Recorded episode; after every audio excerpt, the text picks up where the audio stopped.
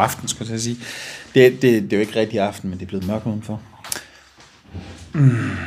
Jeg hedder Anders, jeg er hasafhængig. Hvor er det fantastisk at sidde her endnu en lørdag uden bongjern og tømmermænd, andet end de moralske.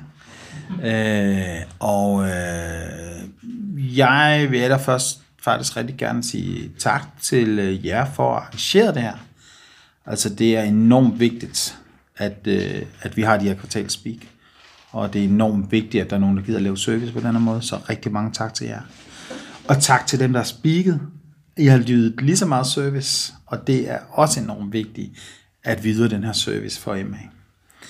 Øhm, om Gud vil, så på mandag har jeg 18 år clean. Og øh, jeg kom ind 5. december 2000 og, var det, 2003, tror jeg det var. Øh, kom jeg ind ad dørene. Mit første møde, det var det A-møde. Og nu lyder jeg helt anderledes. Nej. Hvad hedder det? Mit første møde, det var det A-møde. Øh, og mit andet møde, det var det MA-møde. Og øh, min hjemmegruppe er øh, mandagsmødet. MA's mandagsmøde i København, linje 14. Det er verdens bedste møde. Og øh, ja, nu sidder jeg her. Jeg nedstammer en lang række af stolte alkoholikere, og jeg tænkte meget hurtigt i min barndom, jeg skal ikke ende som min far, det er helt sikkert. Så jeg røg en masse has i stedet for. Det var, øh, det var, øh, det var min vej. Øh, og øh, ja, alle de historier, der er blevet fortalt i dag, og alle de historier, jeg selv kender, dem kan jeg også tilslutte mig. Jeg havde en masse skyld og skam. Jeg skjulte mit hasmisbrug for min familie, og, og øh, min kæreste og stjal fra butikker og kærester og alt muligt andet for at holde mit, øh, mit hasbjørnsmor i gang. Og øh, hoslede mig igennem det hele og anede ikke, hvad jeg skulle med mit liv. Og det meste af det, jeg reagerede på, det meste af det, jeg satte i gang, det var fordi, at jeg prøvede at opstille en og succesfuldt menneske udadtil, og indadtil, så var det en stor ruin. Og jeg var så bange. Jeg var så bange. For alt alting. Nu blink. Nå, yes. Øhm, ja. Og jeg havde rigtig meget de her succeshistorier, jeg klamrede mig til. Jeg havde mit forhold, jeg havde min, øh, min studier, jeg havde min lejlighed, og, og øh, da de ligesom begyndte at skride, og det sidste, der skred for mig, det var mit, øh, min studier, øh, øh, så havde jeg ikke længere nogen succeshistorier at holde mig op på. Og så blev jeg konfronteret med en familie. Min far han var blevet ædru på det tidspunkt, og været ædru i en, i en 8 års tid, tror jeg 8-10 års tid. Øh, og jeg blev konfronteret af ham og hans øh, partner, som også var i A, eller er i A. Øh, og de sagde, Anders, vi tror, du har et misbrug. Og jeg sad hjemme i deres køkken. Jeg var lige blevet smidt ud af mit studie. Jeg havde en lejlighed. Jeg havde sådan de der øh, rodekuverter, Altså, jeg boede i en lejlighed, hvor man havde sådan en affaldsskagt udenfor. så det var dejligt nemt, når sådan en rodekuvert kom ind af brevsprækken, så kunne jeg gå ud til den affaldsskagt, og så smide den der i. Og det at leve på, og det kan også være, det er det for mange af jer, men for mig dengang, så var det den måde, jeg levede på. Og, og det, var, det var normalt, altså. Nå, men jeg sidder så hjemme i min fars køkken der, og min papmor, det er hende, der ligesom har taget mod til det. Min far, han er så angst. Han er, han er men min papmor, hun tog mod til sig og sagde, Anders, jeg tror, du har et misbrug. Og for første gang nogensinde, så kunne jeg ikke lyve over for mig selv eller dem. Jeg så mit liv passere på mit indre, og jeg så, at det, jeg havde prioriteret først i mit liv, det var at øh, være skæv, eller vide, hvornår jeg næste gang skulle være det. Det var mit liv. Det var det, det handlede om. Alt andet, det blev jongleret, tilpasset, løjet, tilpas sådan, at jeg kunne ryge næste gang kæresteforhold, uddannelse, arbejde, whatever. Det var det, mit liv handlede Og så blev jeg rigtig angst, fordi det var ikke det, jeg gerne ville. Jeg ville godt være en god kæreste, en god bror, en god søn.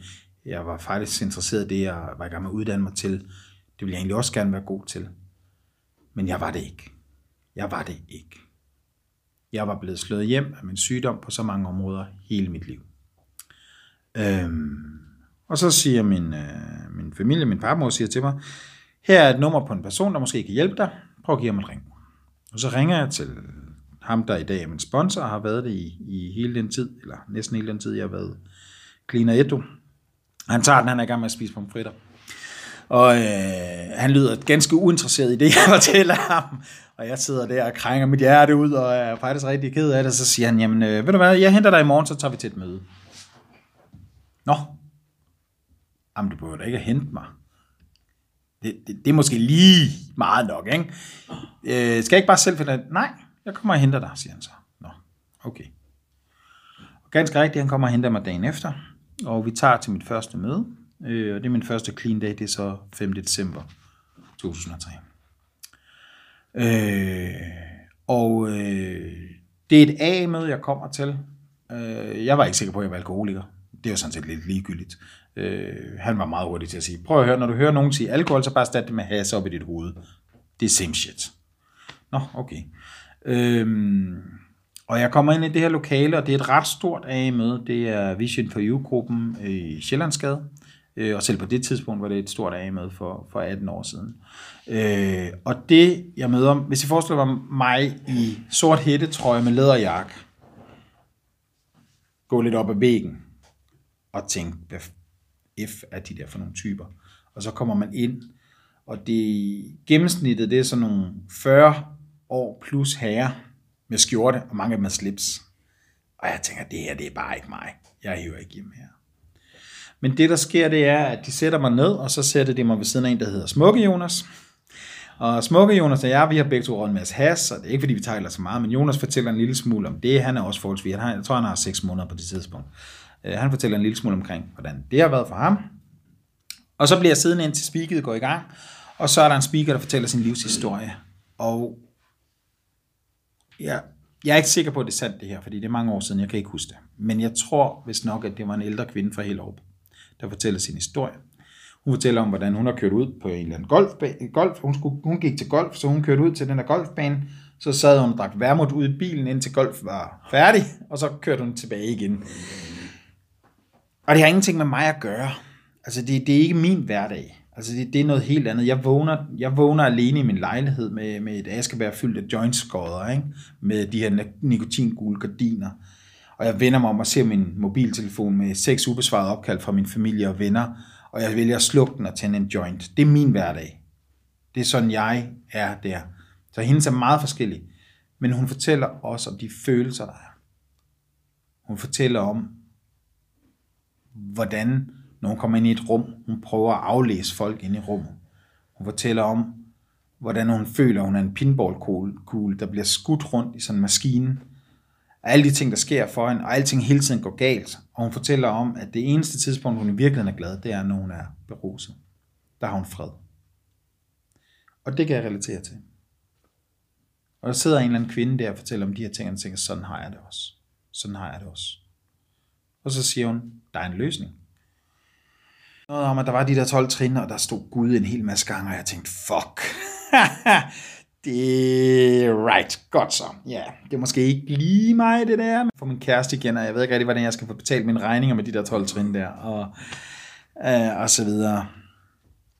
Øhm, så øh, jeg tænker, der er ikke nogen grund til at skynde sig med noget. Jeg has, og der er en, der siger, prøv at gå til en masse møder. Det er en meget god idé. Så, så det gør jeg. Jeg går til en hel masse møder, MA-møder, ham der smukke Jonas, han tager mig med til MA's tirsdagsmøde, øh, og så går jeg til A-møder. Der går 14 dage, og så har jeg det rigtig, rigtig, rigtig, rigtig skidt. Fordi jeg har ikke længere en løsning. Løsningen for mig før, det var has. Det var sådan, jeg kunne håndtere min sygdom. Det var sådan, jeg kunne håndtere mit liv. Og i 14 dage har jeg nu gået uden at ryge. Og jeg har ikke fået noget ind i stedet for.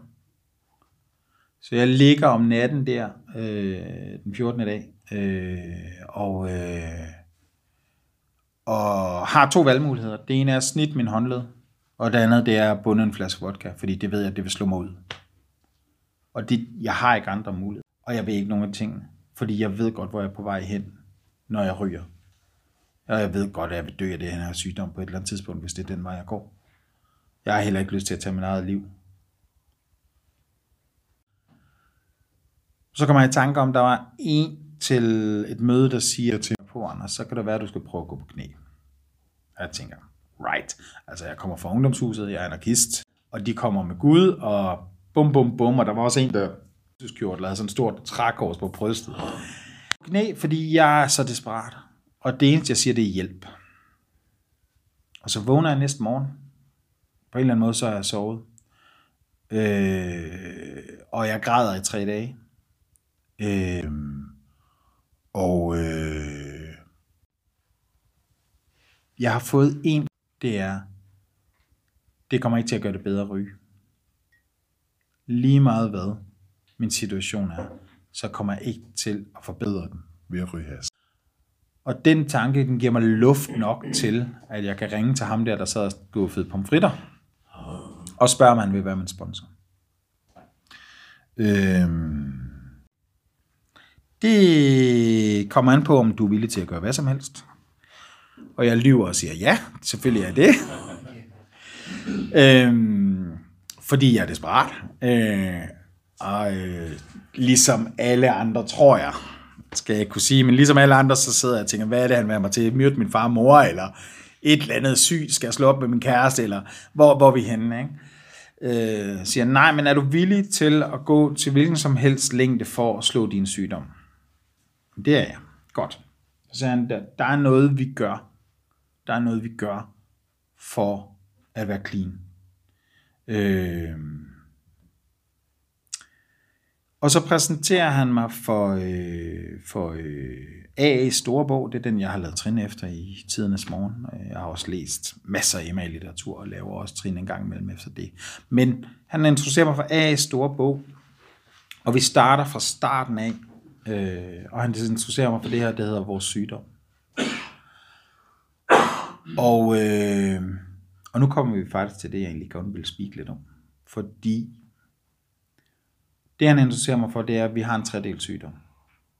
Vi har en sygdom, der består af en fysisk del, en mental del og et åndeligt men.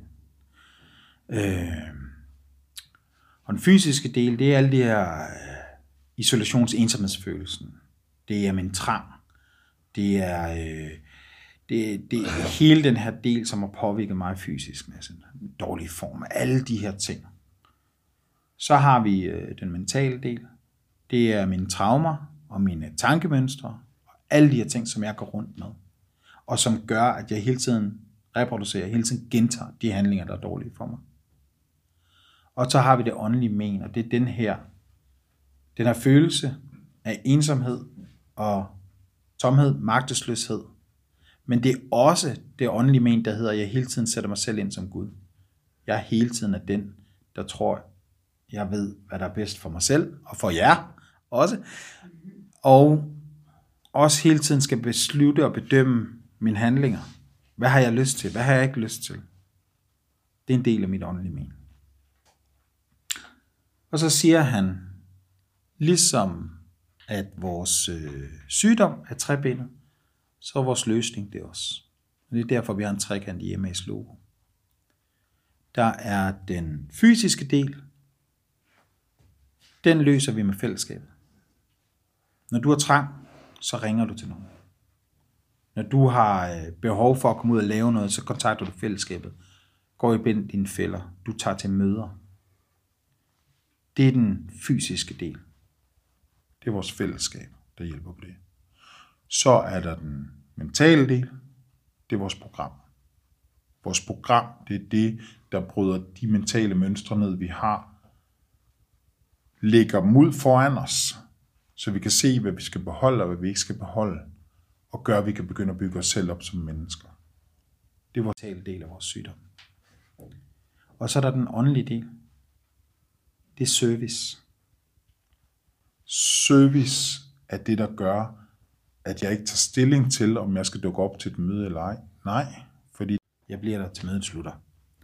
Eller som han sagde, velkommen til. Øh, min første servicetjeneste, det var skodsamler. Jeg skulle simpelthen samle, så, samle skodder efter vores møde, Øh, fordi der var en masse ryger til mødet, og de smed bare skodderne hvor som helst. Og jeg tænkte, nej. Mig. Møde. Men som han sagde, prøv at høre, vi låner de her lokaler af kirken. Kirken de har bedt os om, at vi efterlader det her sted lige så pænt, som da vi kom. En af de ting, som, som gør, at vi efterlader en masse skåret ud foran. Så vi skal samle de her skåret op. Du ryger. Øh, så derfor så kunne det være et godt sted for dig at begynde at gøre det. Og så efter et par måneder, så kan jeg spørge dem, om de ikke kan smide. Kæft, jeg var angst. Det var jeg angst for. Det der med at gå ud og spørge folk, det kan jeg bede folk om det. Jeg ville jo bare gerne elske sig alle sammen. Ikke? Men så gjorde jeg det, og lærte det. Service er det, der gør, at jeg ikke længere... Det, det angriber det åndelige men, og det helbreder mig åndeligt, fordi det er det, der er med til at lære mig noget ydmyghed, og det er med til at lære mig omkring at være noget for andre, og også noget for noget, der er større end mig. Og at jeg ikke skal tage stilling til, om jeg har lyst til det eller ej. Nej, det gør jeg bare. Øhm, de hænger selvfølgelig også sammen, det her. Hvis vi ikke har et fællesskab, så har vi ikke et program. Fordi fællesskabet er det, der minder hinanden om at lave vores program. Det er det, der præsenteres for programmet. Fællesskabet, det er også møderne. Møderne, det er en del af vores fællesskab. Det er der, hvor vi bliver introduceret til det her program. Programmet, det peger på, at vi skal gøre nogle handlinger. Det peger på, at vi skal være til tjeneste. Så programmet, det er også det, der gør, at vi laver service. Det er det, vi bliver præsenteret for at sige, jamen der er nogle ting, vi gør, blandt andet det her.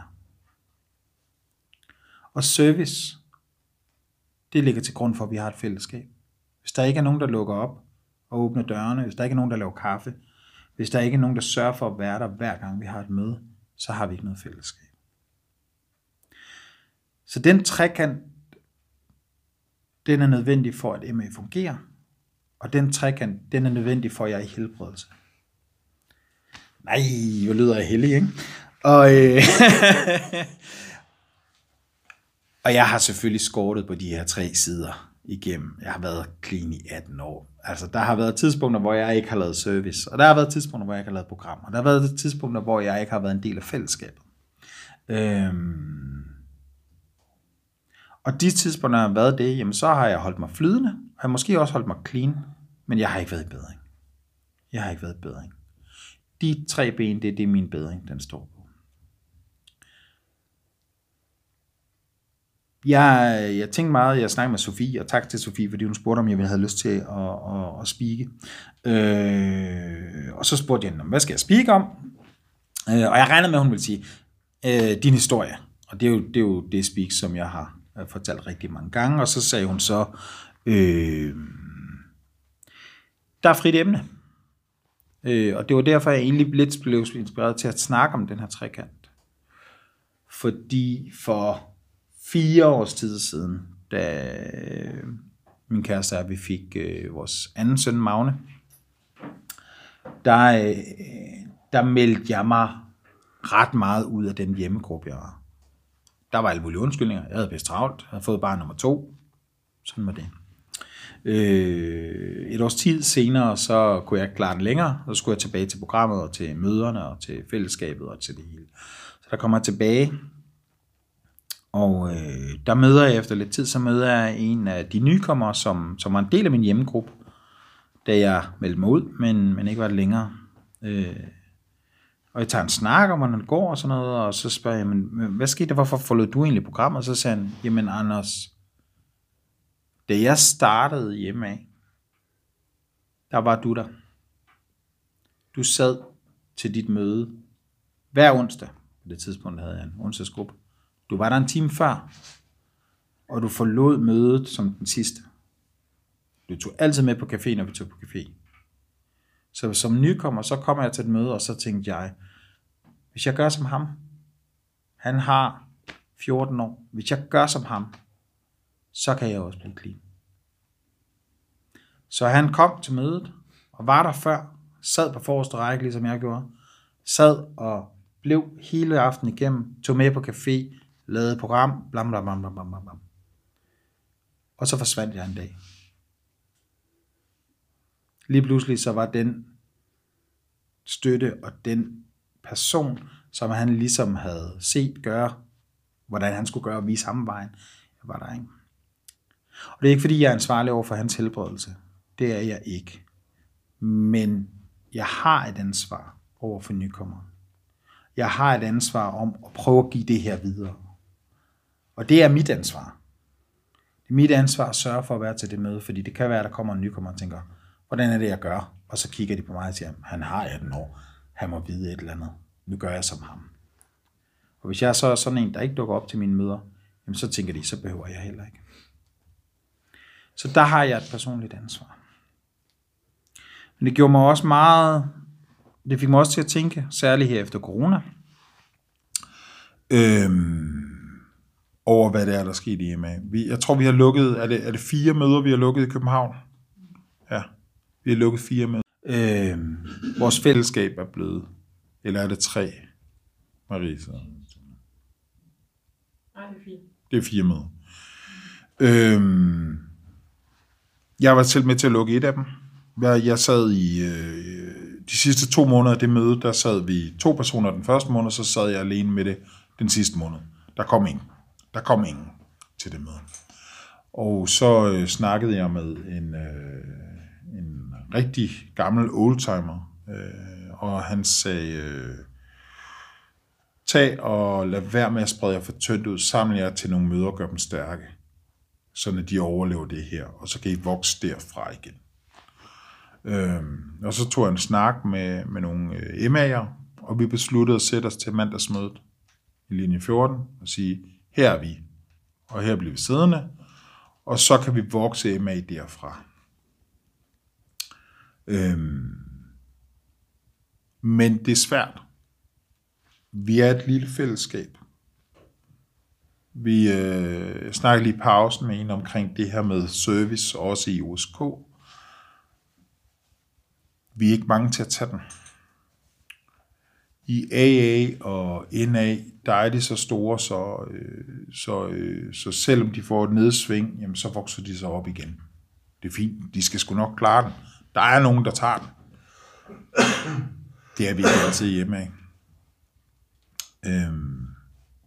Det er ikke, fordi jeg har angst for det. Jeg kan altid smutte tilbage til AA, hvis, øh, hvis, hvis MA skulle fejle. Men,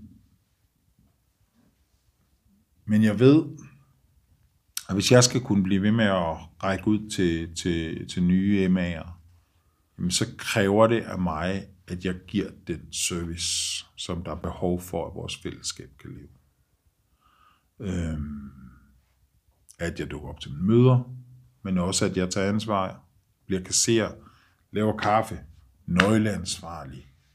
Øhm, de her ting, fordi det er grundlaget for, at vi har et fællesskab, det er vores service.